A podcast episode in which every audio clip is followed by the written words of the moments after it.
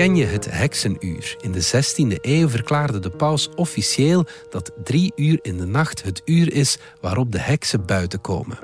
Flauwekul, dat weet Nele van den Broek. Het is drie uur in de namiddag. Dat is het moment waarop de dag te lang lijkt en een dutje zoveel deugd zou doen. Maar om drie uur ben je wellicht nog aan het werken en blijft dat dutje een wensdroom. Tenzij je een heks bent natuurlijk.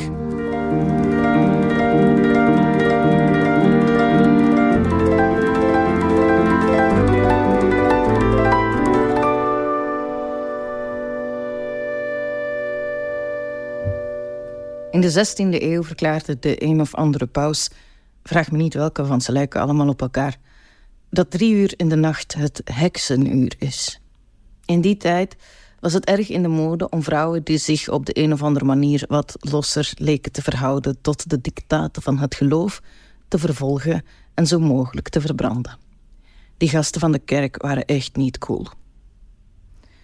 Drie uur in de nacht was het uur waarop de krachten van de duivel het sterkst waren. Zo dicteerde het pauselijke natte vingerwerk. Het zal wel. Elke fabel was goed als aanmaakblokje voor de barbecue van de Inquisitie. Het was een farce van de meest gruwelijke soort. De heksenvervolgingen waren eeuwen van vrouwenmoord. Het toppunt is dan nog dat die kerel het helemaal mis had. Wat had u dan gedacht? Drie uur s'nachts is niet het heksenuur. Ik kan het weten, want ik ben een ketter. Het ware heksenuur, luister goed, is drie uur in de namiddag. Zoveel eeuwen later waren we ons vrij van de boeien van welk geloof dan ook. Wat een hubris. Het kenmerk van een diep geworteld geloof is dat het niet aanvoelt als een geloof. Het voelt als een vanzelfsprekendheid. Onze God heet werk. God is werk en werk is God. Zijn geloof heet werkisme. Waar vroeger God werd aangewend om maatschappelijke ongelijkheid te vergoelijken, de koning was koning omdat hij door God was aangesteld, vormt nu het mythische harde werk de rechtvaardiging van een steeds groter wordende kloof tussen arm en rijk. Immers, zo dicteert het werkisme, de rijken zijn rijk omdat ze hard hebben gewerkt. Wat een zwendel. De rijken zijn rijk door een combinatie van geboorte en geluk met een vleugje kolonialisme. Het zijn net de armen die hard werken.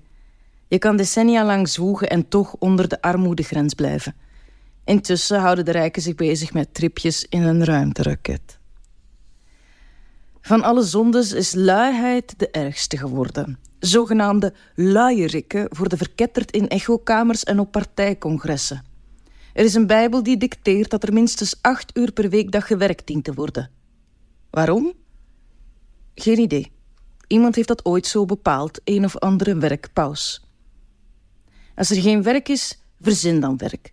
Schrijf een onnodige e-mail, las een vergadering in, leg elke kassei zo traag mogelijk, zodat je toch zeker tot vijf uur bezig lijkt, zodat zeker niemand denkt dat je een luierik bent. Dat met die werkdag is me nooit gelukt. Ik kan een redelijk productief radartje in deze machine zijn zolang het ochtend is en s'avonds optreden gaat ook prima.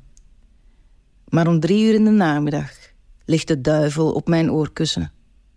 Daar is mijn heksenuur weer. De breinmist komt op, het verlangen te gaan liggen wordt onhoudbaar. Hoezeer ik mij ook wil houden aan de dictaten van de werkkerk, ik strek het niet tot vijf. Ik moet gaan liggen.